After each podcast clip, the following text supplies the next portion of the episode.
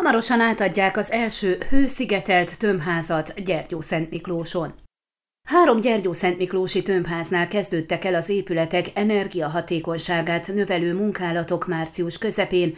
Elsőként a Virág negyedi 45E jelzésű, a következő napokban a Bucsin negyedi 18-as és a Gimnázium utcai 9-11-es tömbházaknál jelentek meg a munkások.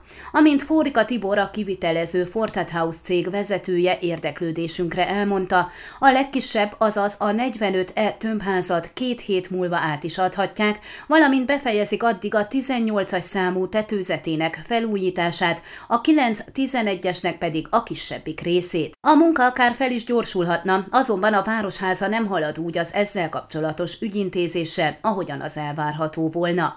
Amit mostanig csináltunk, azt teljesen önerőből finanszíroztuk, egy millió leértékű munkát végeztünk el, és még két millióra van megvásárolt anyagunk. Szeretnénk egy újabb munkacsoportot is ide irányítani, de eddig a Gyergyó Szent Miklósi polgármesteri hivatal egy lejt sem tudott kifizetni. Miután az elszámolást a megbízott építésvezető átnézte, a számlát benyújtottuk a Városházának, ennek már három hete. Nem haladnak a papírmunkával. Reméljük, hogy felgyorsulott az ügyintézés, mert nem tudjuk bevállalni, és szerintünk egy hozzánk hasonló méretű cég sem tudná, hogy 4-5 millió lejjel finanszírozzuk a beruházást.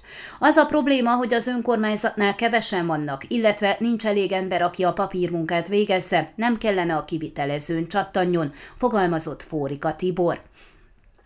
A Városházán is érdeklődtünk azzal kapcsolatban, hogy miként látják a tömbház felújítási beruházás alakulását, ahol László Pálhoz a beruházásokkal kapcsolatos illetékes munkatárshoz irányítottak.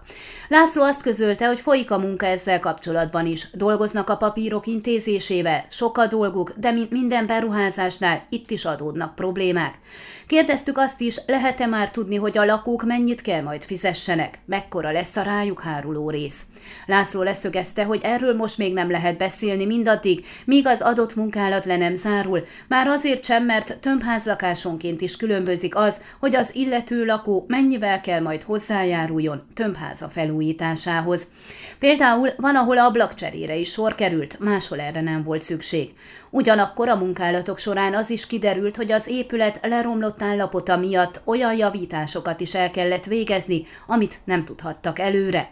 Ezeket a plusz munkákat pedig a tulajdonosok kell fizessék. Elsőként kezdődött és leghamarabb is fejeződik be a Virág negyedi 45E tömbház felújítása. Az egy lépcsőházas, 20 lakrészes társasház felelőse Kacsó Domokos érdeklődésünkre elmondta, megkapta, lefénymásolta a teljes felújítási dokumentációt, pontosan tudja, hogy milyen munkák zajlanak és fognak még zajlani. Ez alapján követik is a szakemberek munkáját. Eddig a nyílászárók cseréje történt meg, most a szigetelési munkálatok zajlanak, és hátra van még a fűtéshálózat vízszintes elosztásának kiépítése, illetve következik a lépcsőház világítást biztosító napelemes rendszer felszerelése is. Most zajlik az önrész harmadik részletének összegyűjtése, mindenki tisztességesen fizeti a magáét, itt ezzel nem lesz gond, mondta. Arról tájékoztatták őket, hogy egy lakásra négyzetméterenként 172-180 lejbe kerül a felújítás, de a pontos összeget a végén fogják megtudni, tette hozzá. A Gyergyó Szent Miklós Miklósi Tömbház hőszigetelési program során a következő társasházak újulhatnak meg. Miron Krisztia 8 és 9 11, Fehér Dávid utca 7, Gyilkostó út 5B, Bucsin negyed 10 20 23 24 12, Virágnegyed 45E 49 43 44 46 51 és a Bucsin negyedi 18 6 11 és 3.